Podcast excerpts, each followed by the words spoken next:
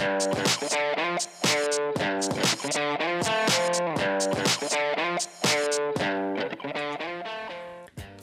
och välkommen till det trettionde avsnittet av Tro och förnuft-podden som produceras av tidningen Sändaren i samarbete med Newman-institutet och Teologiska fakulteten vid Uppsala universitet. Jag heter Kristoffer Skogholt och med mig har jag Erik Åkerlund och Peter Berntsson. Idag kommer vi att börja prata om Eleanor Stumps bok Wandering in Darkness, Narrative and the Problem of Suffering som handlar om det ondas problem. Och vi kommer att dela upp den boken i flera avsnitt och eventuellt komplettera med någon annan bok eller text som också berör det ondas problem. Så varmt välkommen till programmet.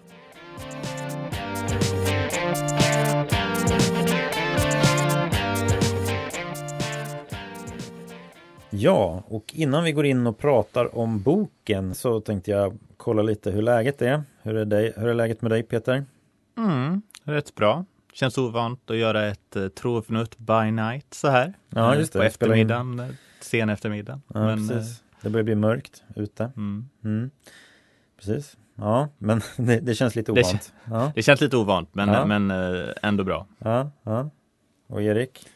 Jo tack. Eh, vi har ju nu gått över till total distansundervisning på Newman-institutet där jag undervisar och det måste jag säga känns lite eh, fattigt i förhållande till vad man brukar, eh, hur det brukar vara att få ha att göra med studenter på plats. Så man märker hur mycket man saknar det. Ja. Förhoppningsvis kommer man komma ihåg det sen när det återgår till att kunna ha lokal undervisning så att man är mer tacksam för det. Inte bara se det man saknar. Precis, mm. exakt. Mm. Ja, nej, det är ju förståeligt. Och själv? Jo, men det är ganska bra. Jag skickade in en text till eh, seminar högerseminariet då, som det heter förra veckan. Så det var lite intensivt men sen eh, det känns alltid skönt att ha gjort det så att mm. säga. Eh, och har fått läsa de sista dagarna lite mer i boken då. Pausat lite från, från avhandlingen och sådär. Och eh, vi ska väl säga någonting kanske om presidentvalet i USA för att visa att vi är somewhere in the real world som Noam Chomsky sa om Barack Obama. att han inte var så tjust i Barack Obama men at least he's somewhere in the real world. Um, mm. Så för att visa att vi är somewhere in the real world så ska vi kommentera presidentvalet. Nej men eh, vi trodde ju först så här att ja men om vi tar det eh, den 10 november då kommer, då kommer det vara klart. Och i en mening så, så stämmer ju det men i en annan mening så stämmer det ju inte då. Och eh, eh, det som, som gör att det inte riktigt stämmer är ju att eh, dels förstås då att Trump eh, vägrar att erkänna sig besegrad. Men eh, sen så har inte heller då den här valmyndigheten i USA gått ut och bekräftat att Biden har vunnit. Eh, och hon som är chef för valmyndigheten där är ju tillsatt av Trump faktiskt under 2017. Eh, Trump-supporter. Men eh, ja, huruvida det påverkar, det vet inte jag. Men jag tycker att det kanske är lite märkligt att Trump sparkade sin försvarsminister igår. Mm -hmm. eh, och det kan ju sägas då att han spark, de blev osams i, i somras för att uh, försvarsministern vill inte använda militären mot uh, protesterna då som kring det här Black Lives Matter och sånt där. Mm.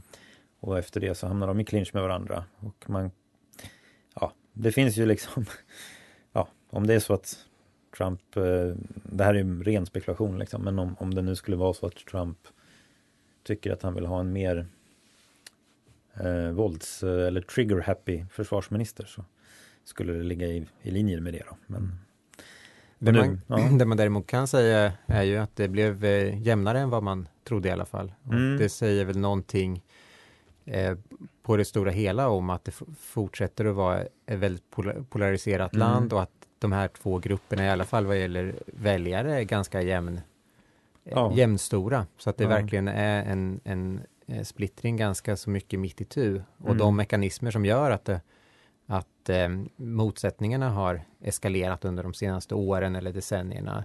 Eh, mm. Det finns väl ingenting som tyder på att det är någonting som vänder. Utan Nej. tyvärr så eh, ligger det väl i korten att oavsett vem som sen sitter på presidentstolen så har den fått ungefär 50 procent och att eh, polariseringen kan fortsätta. Så. Ja, Jag tycker, Nej, precis. Mm. Ja. Alltså jag blir lite jag har svårt att känna mig så entusiastisk, även om jag är glad att inte Trump sitter vid makten längre personligen då. Att det känns som en, en vuxen människa som kommer ta över presidentämbetet så är det ändå lite av en pyrrusseger när delvis det du säger Erik, att det 50 procent kvar, men också att det finns just den här djupa misstron kvar mellan partierna och mellan befolkningen. Alltså i, och det tycker jag mig, det gäller ju inte bara USA, utan det, det blir mer som en, jag tänker ofta att USAs politik är som en, jätte, en jättedramatisk version av vad som sker i hela, hela västvärlden mer eller mindre. Just det här med djupa misstron och cynismen gentemot politiska meningsmotståndare generellt. Mm. Jag tycker det som har besvärat mig mycket i kyrkans värld är ju liksom den, den här evangelikala eh, alliansen med Trump och att man har köpt in mer och mer i så olika konspirationsteorier om eh, då Demokraterna och the progressives och liberals. Och, eh, som blir, det har ju varit så länge, men att det, det lär ju fortsätta. Eh, det lär inte minska mm. under mm. då när fienden har makten igen. Mm. Nej, Tyvärr. precis. Nej, Nej du, en del av det som eh, Stamp skriver om i sin bok och som vi ska komma in på senare. Mm. Men bara för att ta en, en väldigt snabb eh, beskrivning så, så har han ju en intressant diskussion om olika sätt att förhålla sig till till exempel etik. Mm. Alltså att etik är, är så att säga ett uttryck för eh, propositionell kunskap då. Eller om, om det är en mera slags eh, liknar den kunskap man får när man lär känna en annan person. Alltså mer som en insikt och sådär.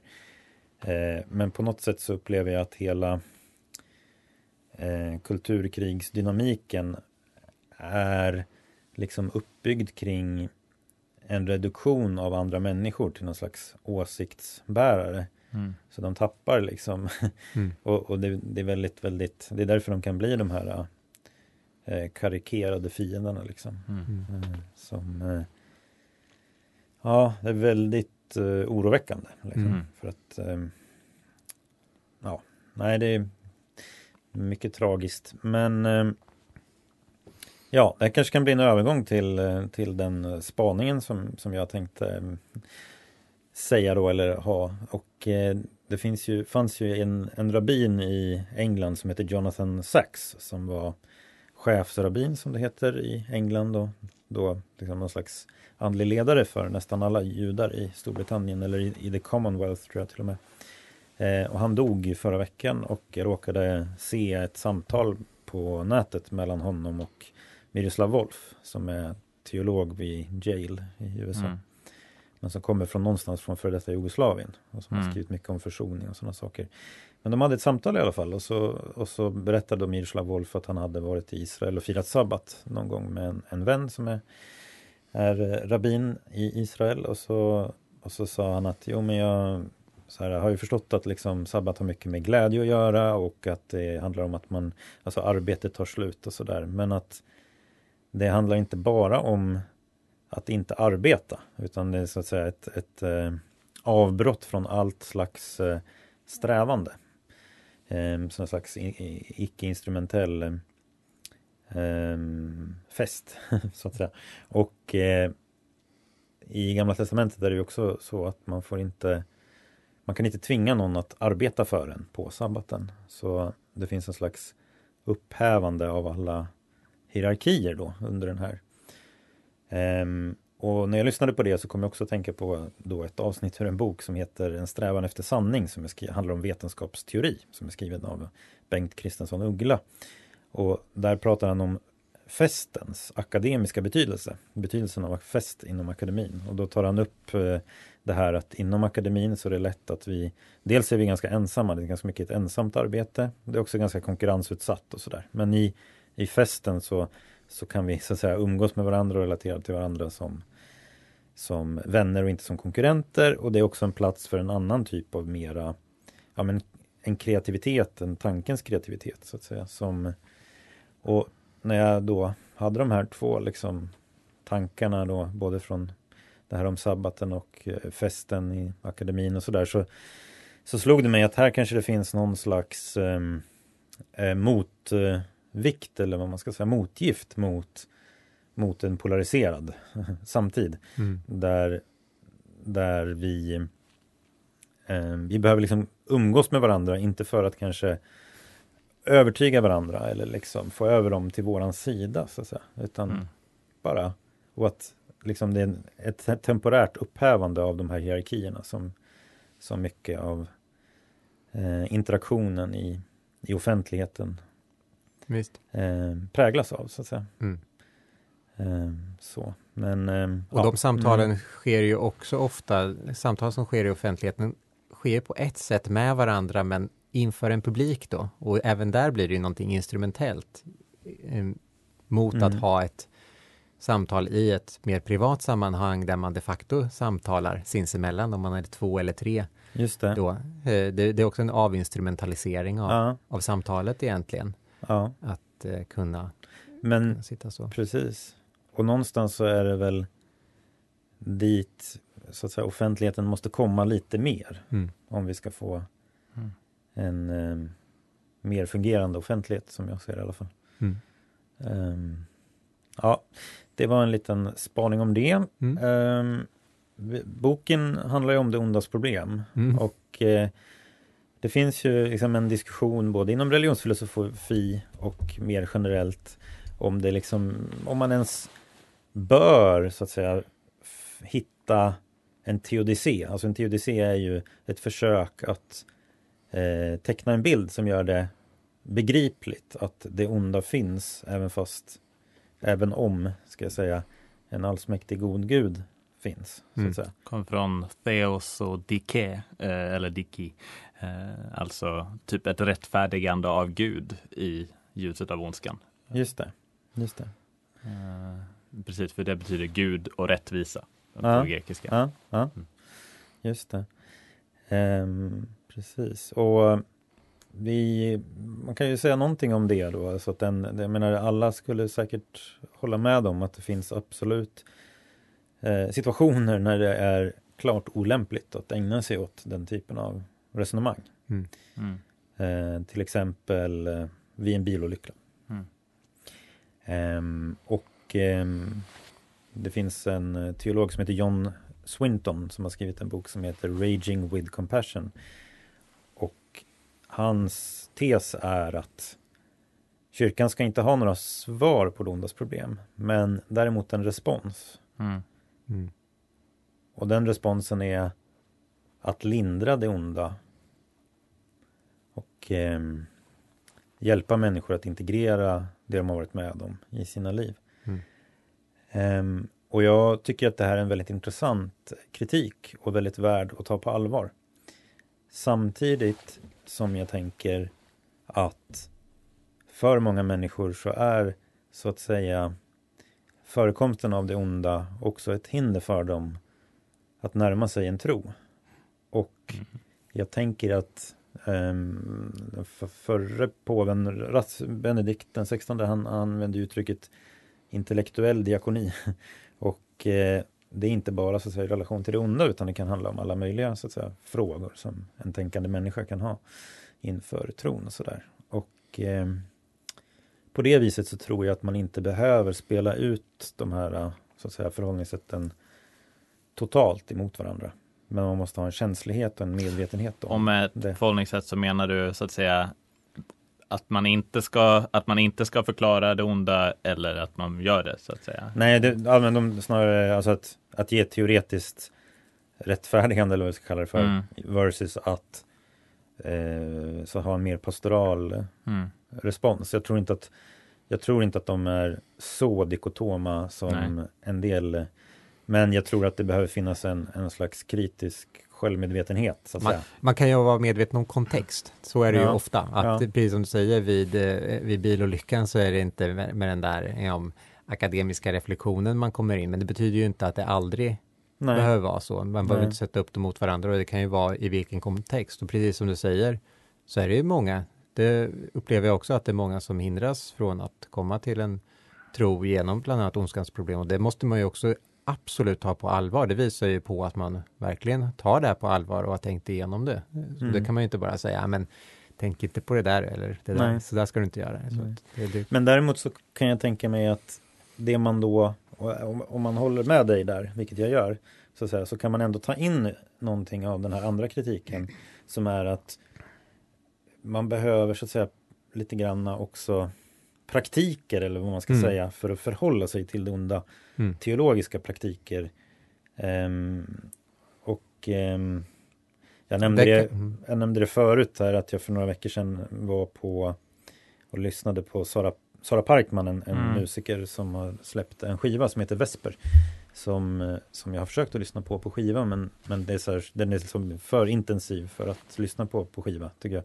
Det är som en viss, viss typ av klezmermusik som, som, men det funkar väldigt bra live då. Men, och hon, hon har den första mm, sången hon spelar då en slags eh, Kyrie, alltså Herre förbarma dig, men med lite andra ord liksom. Mm. Och för mig var det, det var en väldigt stark upplevelse för att det var liksom eh, tydligt att hon eh, så att säga tog all den här skiten som hon har erfarenhet av mm. och så blev det en bön av det. Och då tänker jag att det är också någonting som kyrkan kan eh, Det är också en respons till det onda. Mm. Att hjälpa människor att rikta sina erfarenheter i en bön. Om det är någonting som ger uttryck för den stämningen tycker jag att det saltar salmerna som är betydligt mm. mer vågade än vad man själv Absolut. ofta vågar vara. Och det har ju egentligen alltid varit en sorts stomme i kyrkans böneliv, vilket eh, visar att det finns någon bra grund där att kunna bygga bygga vidare på åtminstone. Om man pratar klezmer så är det Exakt. samma. Och att det är den här... Um, ja, just det. Ja, nej, men det är, så, det är den på något sätt det här är också relaterat till Stamps på något sätt. Ehm, det kommer komma in på det senare men för Stamp, mycket av det Stamp resonerar kring handlar ju om, om eh, ömsesidig närhet mm. mellan människor och mellan människor och Gud. Mm. Och att komma till den punkten kräver att du kommer så att säga till botten av dig själv också. Mm, och, och du måste få ett, då måste du få ett så att möta Gud kräver att du kommer så att säga, till botten av dig själv. Ärlighet mot sig själv. Exakt. Och den, mm. den då desperationen och mm. förtvivlan mm. som i Saltaren finns, den måste så att säga, det är ibland vägen till Gud. Så att säga. Eh, för det, och, så att, ja, jag tyckte det var lite intressant och det, jag ska bara säga att när jag hörde det här så tänkte jag att jag upplevde att hennes musik var bön. Men i en mm. mening bön i en ännu mer fundamental bemärkelse än bara så att säga bön som man gör i kyrkan. Mm. Utan en, en slags Det finns det här uttrycket i Romarbrevet om att skapelsen ropar som i mm. födslovåndor och sådär. Just det. Mm. Och, och någonstans, all, all längtan efter helhet är en slags längtan efter Gud. Mm. Och i den meningen en bön. Så att säga. Um, Ja, jag tycker det är ganska talande att det, det första man gör i en, i en mässa är ju Kyriet följt av Gloriet. Liksom, helt enkelt. Man uttrycker eh, liksom det här har jag, det här, men det här ser jag mot de här. Men det är väldigt lite egentligen, det här vill jag, det här, eh, det här eh, behöver jag. Det kanske kommer med tiden, men det bön börjar i någonting mycket mer fundamentalt. Vad, mm. vad längtar jag efter? på ett djupare plan. Så det är inte alltid vi kommer dit i en vanlig bön. Mm. Men jag tänkte på det här med teodicé. Alltså när vi skulle, när du föreslog den här boken så var jag ganska skeptisk först. Just för att jag tycker att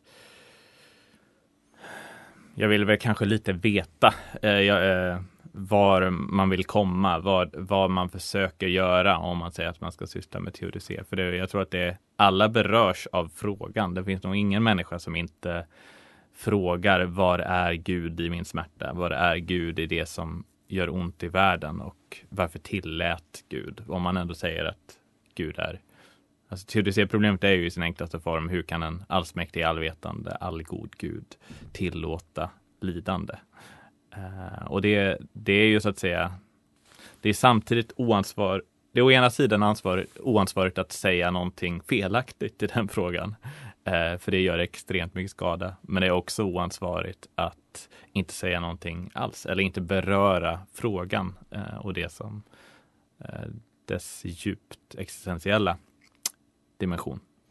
Mm. Så att, ja men det var med fruktan och bävan som jag mm. tog mig an att ens mm. börja öppna boken. Mm. mm. Men vad blev din, vad är din känsla nu då när du har läst eh, 175 sidor? Ja, alltså vi har ju ännu, idag kommer vi knappt prata om, om, om lidandets problem för hon tar ju väldigt lång tid. Hon hintar liksom i början vad det är hon vill komma med med det och prata mm. liksom om, om de här djupdimensionerna i människan visserligen, men jag vet fortfarande inte riktigt vad Nej, hon har inte kommit in på sin eh, sin teodicé ännu. Mm. Eller, eller sitt, precis. Mm. Nej, vi, vi kanske ska säga det som du, som du säger här också att vi har ju delat upp eh, boken i tre, tre delar. Eh, troligtvis, eventuellt två, men vi sa tre innan mm. vi började i alla fall.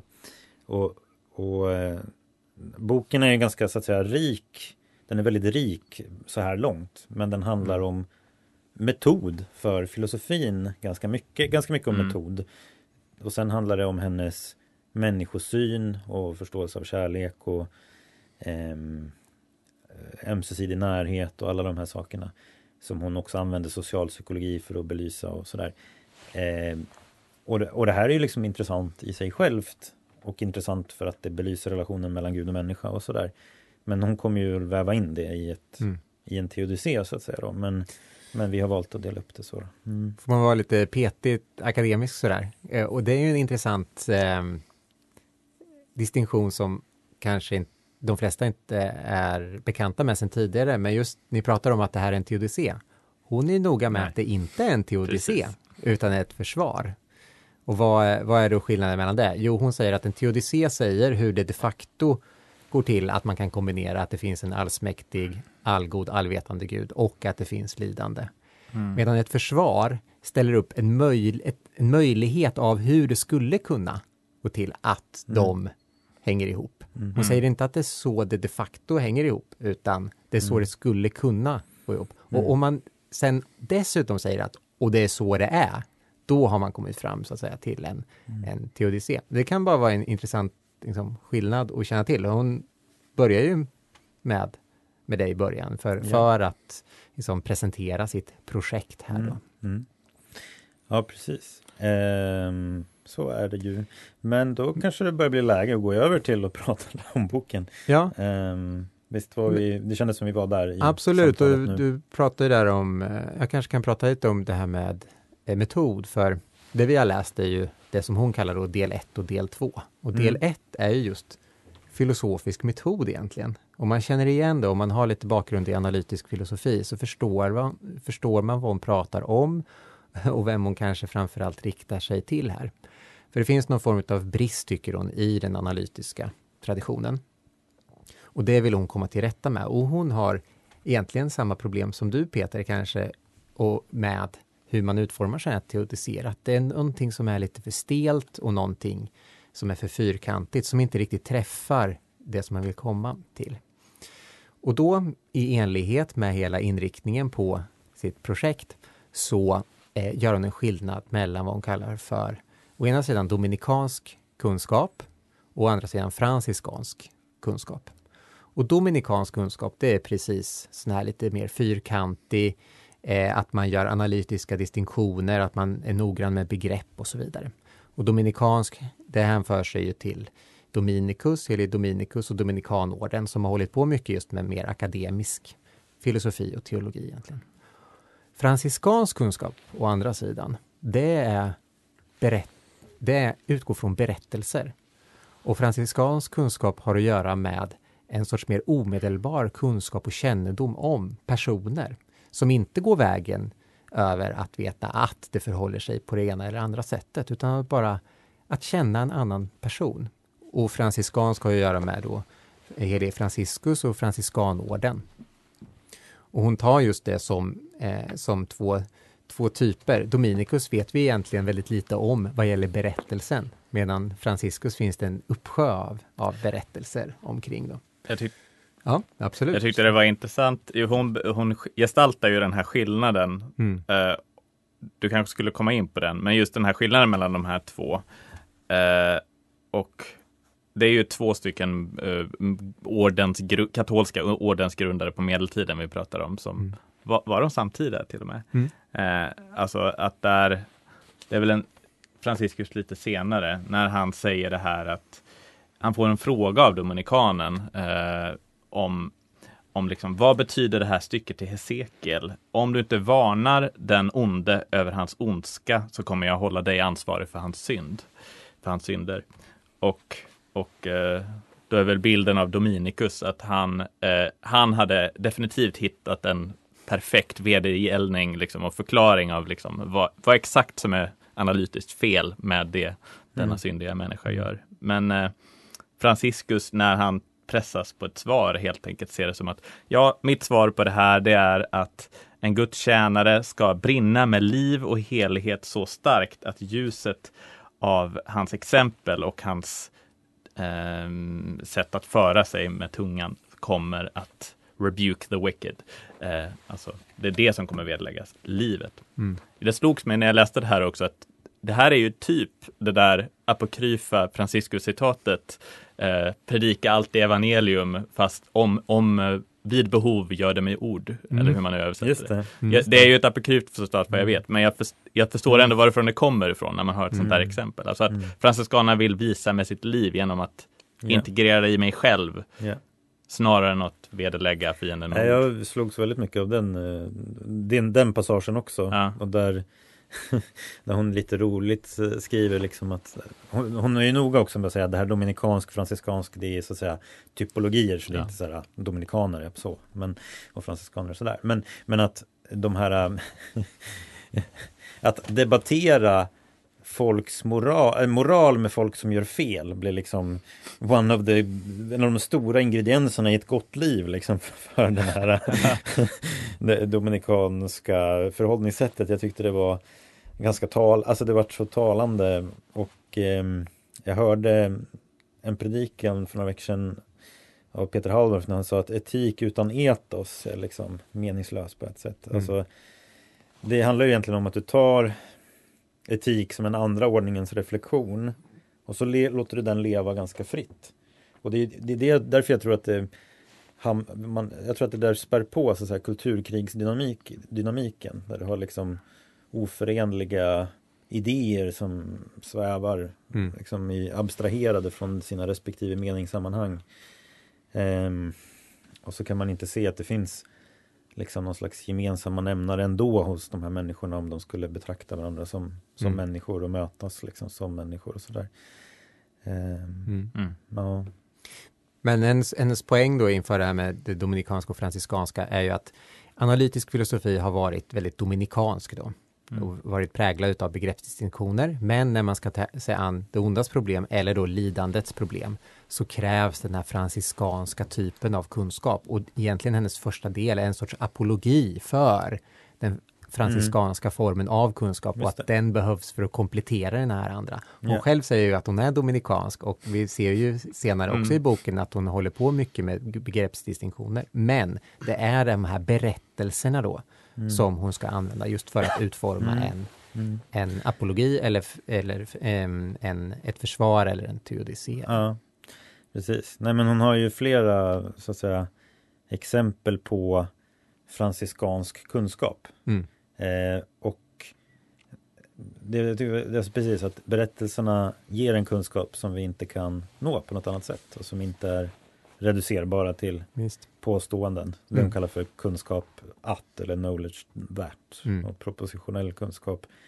Um, ja, precis. Jag läste det så kom jag att tänka på ett poddavsnitt som jag hörde i somras. finns en amerikansk podd som heter The Partially Examined Life som är en filosofipodd. Um, och då läste de, diskuterade de en, en essä av en som heter Susan Sontag som har skrivit en essä som heter Against Interpretation.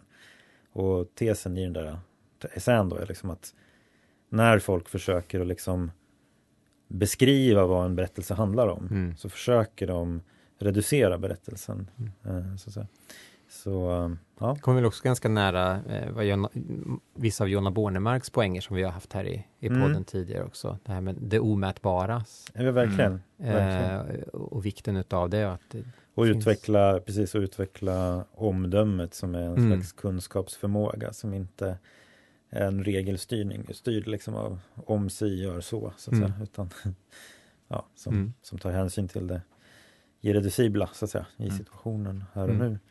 Ja, precis. Nej, det, bara den delen var ju väldigt eh, givande liksom, ja. att läsa. Jag gillar hennes, eller den angränsande reflektionen där eh, om om second person knowledge, mm. Eh, mm. vilket väl, jag uppfattar det som att det sitter ihop med det med franciskansk kunskap, just att det är någonting med berättelsen som förmedlar eh, någonting som går bortom det här första persons, vi förstår en individs eh, en individs eh, erfarenhet av liksom hur det är att vara jag. Liksom. Om jag berättar för er, liksom, jag gick dit, jag såg en hund, jag gick, eh, jag plockade upp en kotte, vad det nu kan vara, bara mitt inre psyke. Eller tredjehandskunskap där jag berättar om eh, jag såg en man eller jag såg en folksamling, de var arga, bla bla bla.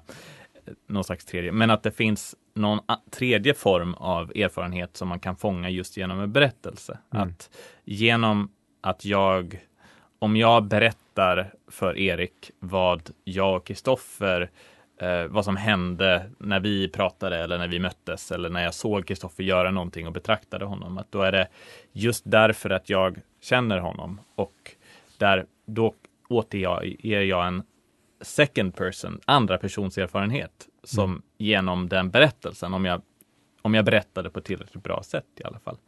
Uh, jag vet inte om jag gör det just nu, men jag tyckte att det var i en välskriven roman eller berättelse, att mm. man där på ett tydligt sätt återger vad det är att känna någon, vad mm. det är att relationell kunskap på något sätt.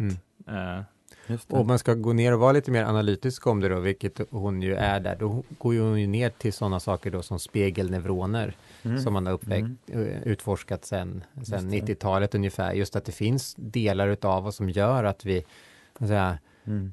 på, ett, på ett djupare plan än, än, än vad propositionell kunskap ligger förstår och har någon form av insikt i hur, hur, andra människor mår och tänker och så vidare. Att det är djupt liggande hos oss och att det utvecklas från en väldigt tidig, tidig mm. ålder då. Mm. Eh, hon kontrasterar ju det mot vissa, de som inte har det, som har vissa, ligger på det autistiska spektrat mm. och så vidare. Eh, och, så hon försöker ju just, tycker jag, på ett väldigt bra sätt argumentera för att det här är någonting annat som mm. ger, ger en helt annan.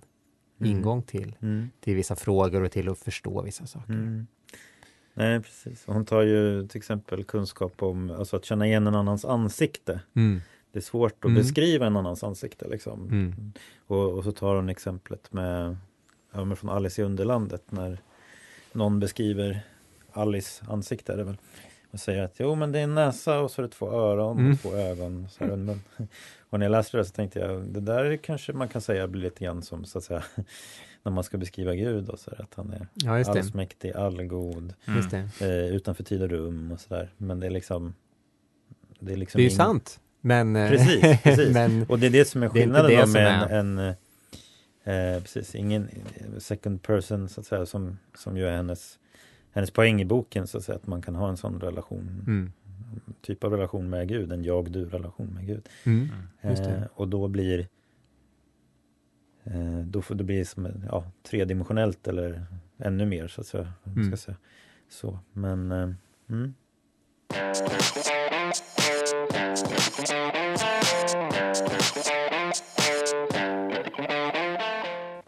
Man kan ju tänka intuitivt att eh, fenomen som kärlek blir bara liksom misshandlade om man försöker ha någon form av analytisk dominikansk reflektion kring det.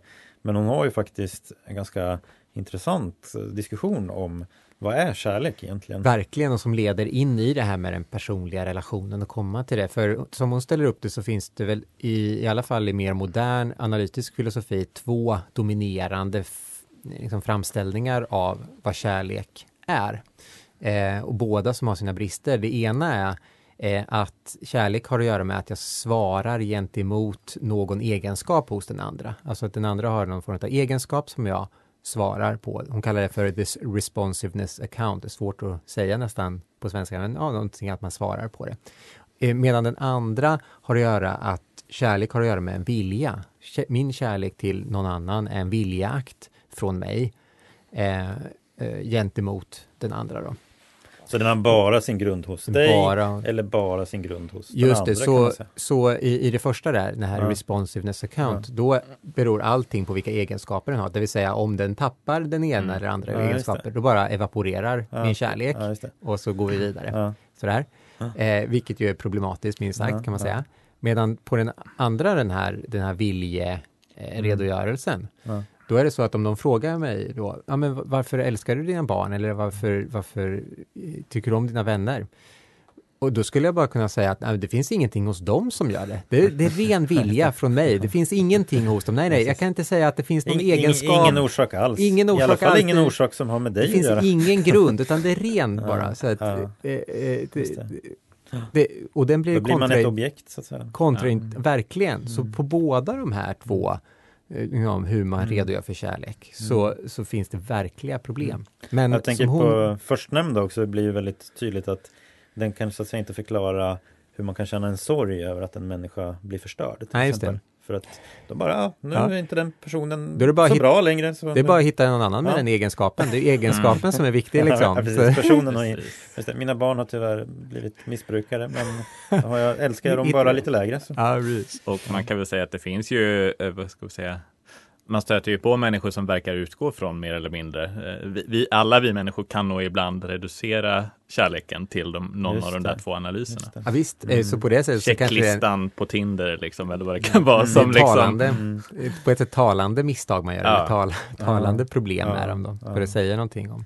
Precis. Men hon har då en egen redogörelse för kärlek som går tillbaks till Thomas av Aquino eh, som en kombination dels utav att vilja någon annans goda, vilja gott för någon annan, begär, tillsammans med ett begär efter en förening, att vara närvarande tillsammans med eller förenas med den personen. Just det, just det. På ett passande sätt då. Mm. Eh, det, mm. det, är olika, så att säga, att vara närvarande. Beroende på, på vilken sätt. relation. Ja, om det är min förälder eller, eller min fru eller, eller mina barn eller mm. mina mm. studenter eller vad det är. Mm. Eh, så dels att vilja gott åt någon mm. annan och dels en vilja att vara tillsammans med det. Och det öppnar ju upp just hela den här, det relationella ja. och, och eh, dramat, och det mänskliga dramat. förenar två aspekter, eller förenar på ett sätt båda de aspekterna som finns i de andra. Mm.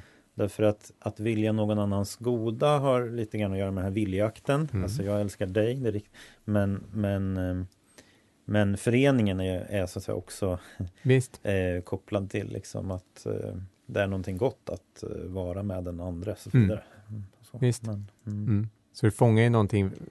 Jag tycker det, det är ett mm. väldigt bra exempel mm. på, det finns många exempel på men det är ett bra exempel på hur hon liksom inte bara för att det är problem med vissa definitioner så skyr hon inte definitioner generellt utan hon Nej. försöker hitta fram till en fungerande hållning. Ja. Det tycker jag. Det är väl, eh, tangerar ju, Augustinus gör ju en sån här distinktion kring uh, kärlek som är liknande, alltså att vi ska, som, som, som hon kommer in på Elinor Stamp också, för att vi säger ju gärna idag, Uh, alltså att man ska älska någon för hennes eller hans egen skull. Alltså mm. så här, kärl alltså den är så att säga, det är ett ändamål i sig då, att älska det här eller mm. göra det här eller men, uh, men här är det ju liksom med det här målet i sikte hela tiden. Förening med den andra människan, men ytterst sett förening och kärlek till Gud. Mm. Uh, alltså som bakgrund. Och det kan ju tyckas kontroversiellt, uh, i, i alla fall i, utanför en kyrklig kontext. Mm.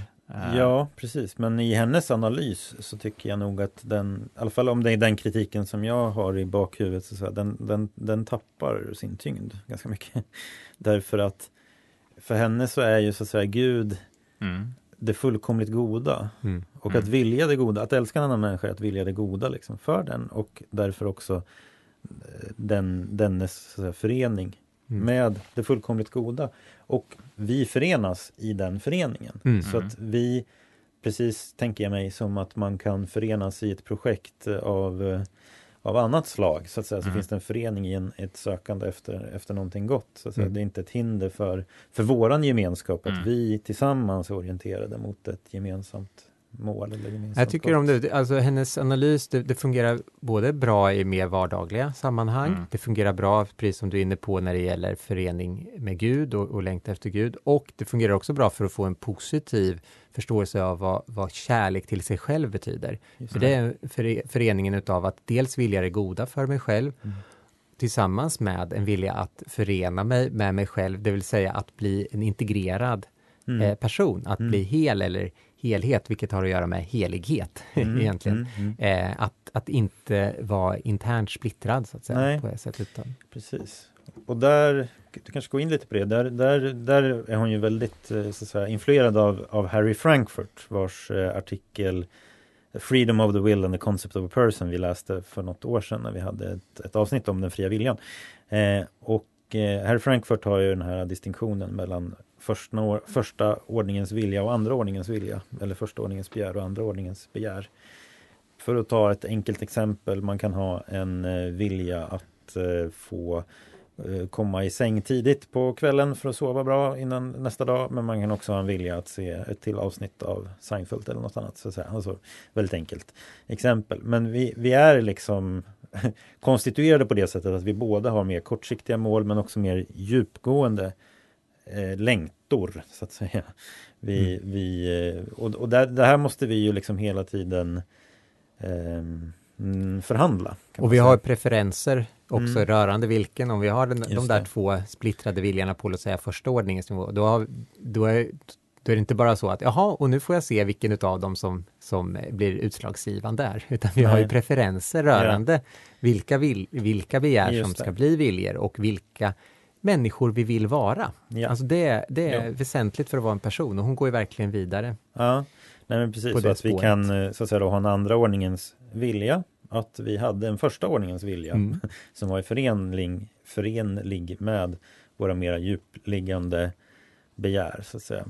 Um, man, och, det, och det är det som hon menar att hon menar då att för Thomas och för ja, Elinor Stamp så, så är det så att vårat sanna jag, det är representerat så att säga, av våra andra ordningens begär och viljor. För de tar hänsyn till mer mm. av verkligheten.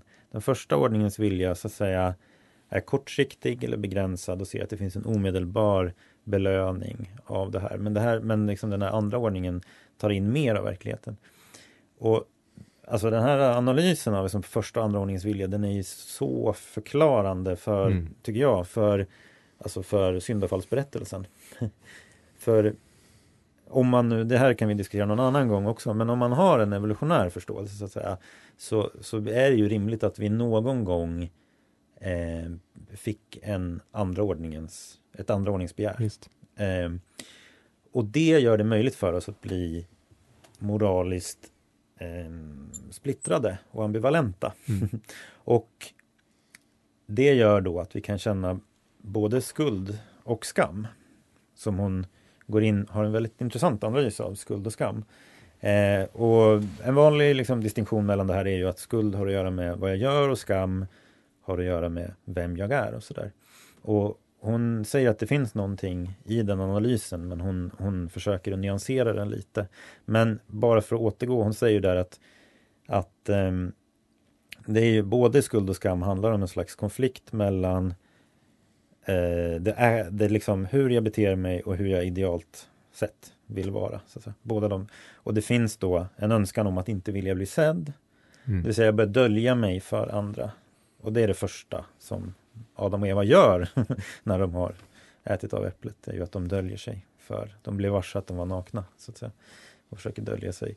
Och där, så då, det skapas så att säga då, dels så, så, så att säga, kan man försöka dölja sig för sig själv men också dölja sig för andra. Och det gör att den här delen i kärleken som är föreningen den blir inte möjlig. Så om jag, in, om jag är splittrad och inte vågar eh, möta mig själv så att säga då eh, men jag är också vågar inte, jag vågar inte visa mig för andra och då finns det två rädslor där hon menar att den ena rädslan relaterar mer till skuldtematiken och den andra relaterar mer till skamtematiken. Om vi tar då skamtematiken så är den rädslan att den andra ska inte vilja vara med mig. eh, att jag har blivit så att oattraktiv på något sätt. Mm. Och skulden då har mer att göra med eh, att den andra kanske blir arg på mig och, och mm. straffar mig. Sådär då. Mm. Så, och då kopplar de det till de här två mm. Begären som kärlek är. Alltså kärlek är dels begäret efter eh, någons goda och den eh, personen som, som är rädd för att någon annan blir arg är, rädd att den, inte kommer, att den kommer få något dåligt i termer av mm. straff eller ilska. Eller, sådär. Och, eller in, avsaknad av, av förening, då, att den andra inte ska vilja förena sig.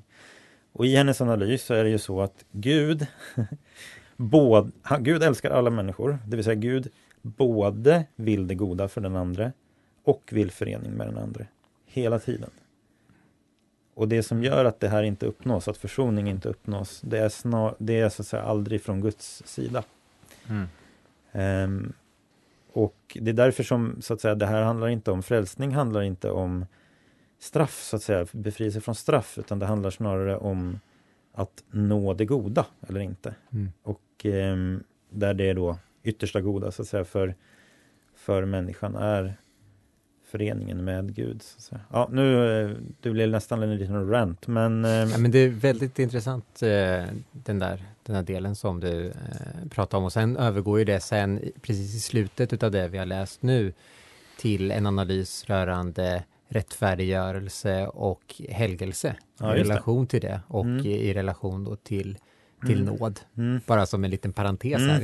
Mm. ja, men hon kommer verkligen i en intressant position att kunna, kunna eh, belysa yeah. många centrala delar utav den kristna yeah. tron genom yeah. de här verktygen.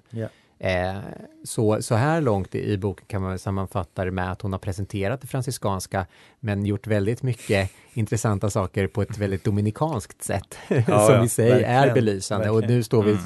På ett sätt i tröskeln där hon ska ja. visa, eh, visa styrkan i det franciskanska ja. ingången med, med berättelser som kommer börja när hon faktiskt kommer in på det här med försvar och teodicé. Man ska ju säga det, Thomas, hon, hon försöker presentera en medeltida vision om eh, försvar för Guds rättfärdighet, eller en medeltida vision om hur man kan make sense av lidandets problem. Eh, och hon använder ju då som representant för det Thomas av Aquino framför andra, som ju är en dominikan. Mm. så att eh, det, det, ska bli intressant att se om hon i sin franciskanska del lyckas eh, ta in tillräckligt mycket av, av, av en icke-dominikan. Mm.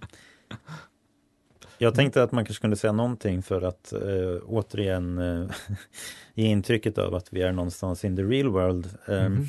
om, om en koppling så att säga mellan den här analysen mellan skam och skuld till vissa fenomen som finns i samtiden.